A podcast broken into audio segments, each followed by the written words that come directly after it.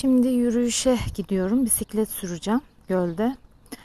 Ee, birinci kattaki komşularımızla iyiydi aramız. Yazın aynı havuzda havuza girmiştik. Kocası Türkmüş daha önceden ayrılmış. Şimdi bir tane ev arkadaşı var beraber yaşadığı.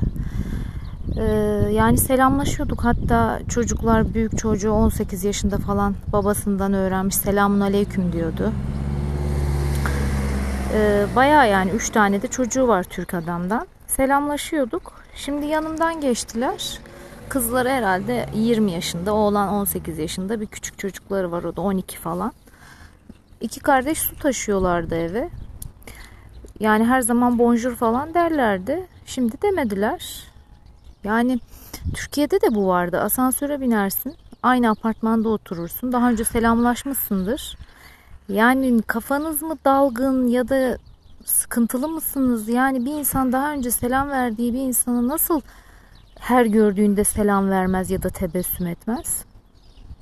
Yine alt komşumuz her zaman yani Fransızlar Müslüman olmuşlar karı koca. Her zaman Allah razı olsun derim. Çünkü Selim Alp çok hareketli bir çocuk. Türkiye'de olsa diyorum ya annemin alt komşusu doktor mektup yazmış.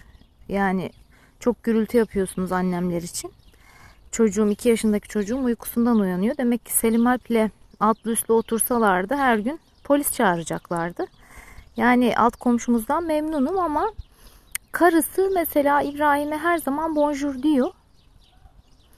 Ama bana işine gelince diyor. Yani kocası da sağ olsun bana her zaman bonjour diyor. Karı koca geçtiklerinde de adam yani neredeyse gözlerimin içine bakarak bonjour diyor. Selamun aleyküm diyor. Müslüman oldukları için sonradan.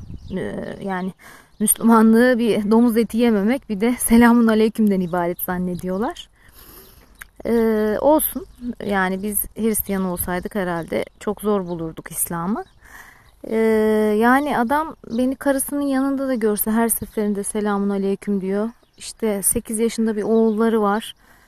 Mehdi ama Maci diyorlar.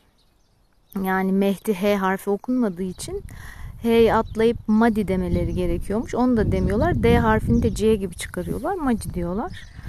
Yani çocuk da babasından öğrenmiş. O da her zaman bana kapıyı açıyor falan. Ama annede bir sıkıntı var. Yani kocasının yanında zorla selamun aleyküm diyor. Annesi çok sık gidip geliyor. Annesi mesela Müslüman olmamış kadının. Annesi sürekli bonjour bonjour diyor. Ama kadın 30'lu yaşlarında bir kadın. Yani kocası olmadığında hiç selam vermiyor. Kocası olunca da zorla kocasının hatrına.